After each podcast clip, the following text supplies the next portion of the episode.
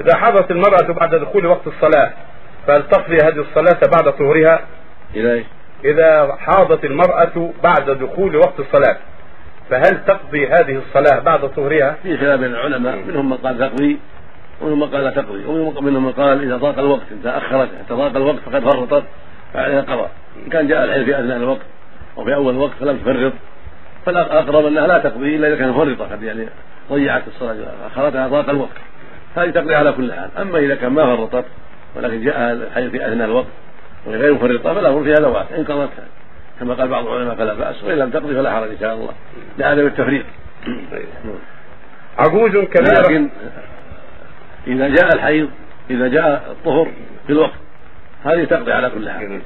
إذا طهرت في العصر فإن صلي الظهر والعصر جميعا. طهرت في العشاء صلي المغرب والعشاء جميعا.